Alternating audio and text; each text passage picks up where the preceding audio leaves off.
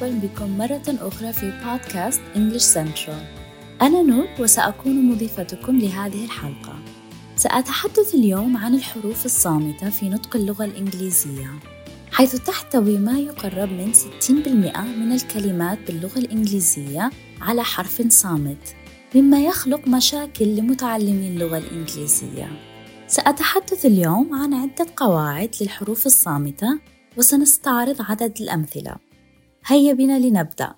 الحروف الصامتة هي الحروف التي تكتب ولكن لا يتم نطقها. فكر في الحرف B بكلمة climb أو الحرف G بكلمة foreign.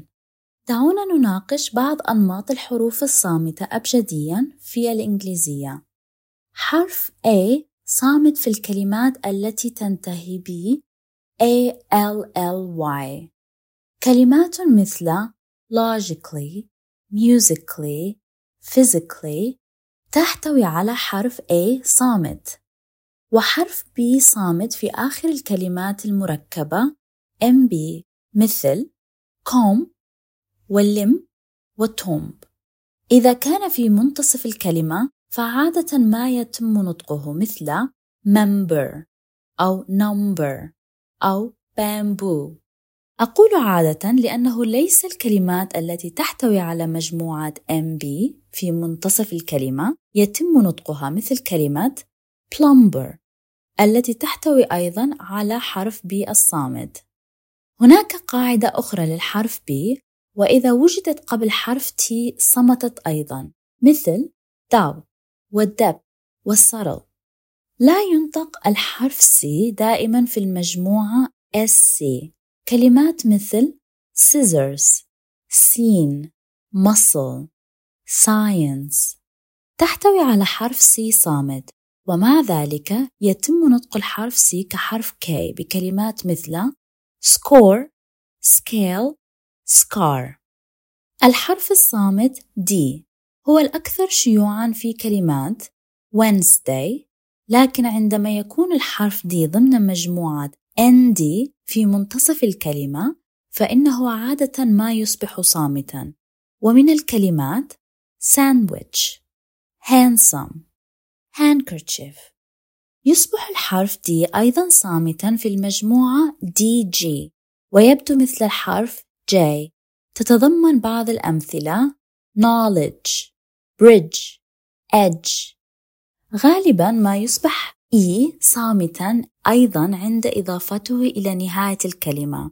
ومن الأمثلة على ذلك glue garbage taste parade.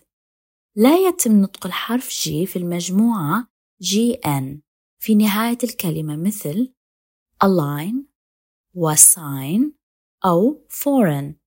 ويمكن أيضا أن يصبح صامتا لما تأتي GH بعد حرف متحرك. مثل high daughter though وlight يمكن أن يكون الحرف H صعبا للغاية لأنه غالبا ما يكون صامتا بالنسبة للكلمات المستوردة من الفرنسية. مثل hour honest honor ghost choir. الكلمات التي تبدأ ب KN تحتوي على K صامت مثل الكلمات knock knowledge ونايت والني غالبا ما يكون الحرف L صامتا بعد الحرف A. كلمات مثل talk salmon calm have. لا توجد أنماط محددة أخرى ل L ولكن لاحظ أن الأفعال الشرطية would, should, could يمكن أن تحتوي أيضا على L صامتة. لا أستطيع أن أقول الشيء نفسه بالنسبة للحرف N يصبح N صامتا في تركيبة MN في نهاية الكلمة. ومن الأمثال عن ذلك column, autumn, heim. الكلمات التي تبدأ ب PN و PS تحتوي على حرف صامت P.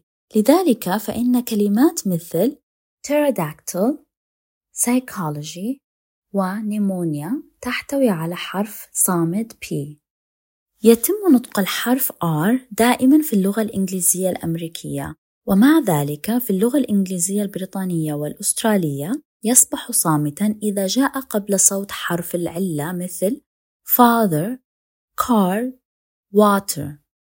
يصبح الحرف T صامتا في الكلمات التي تنتهي ب STEN أو STLE كلمات مثل whistle, castle, listen, fasten.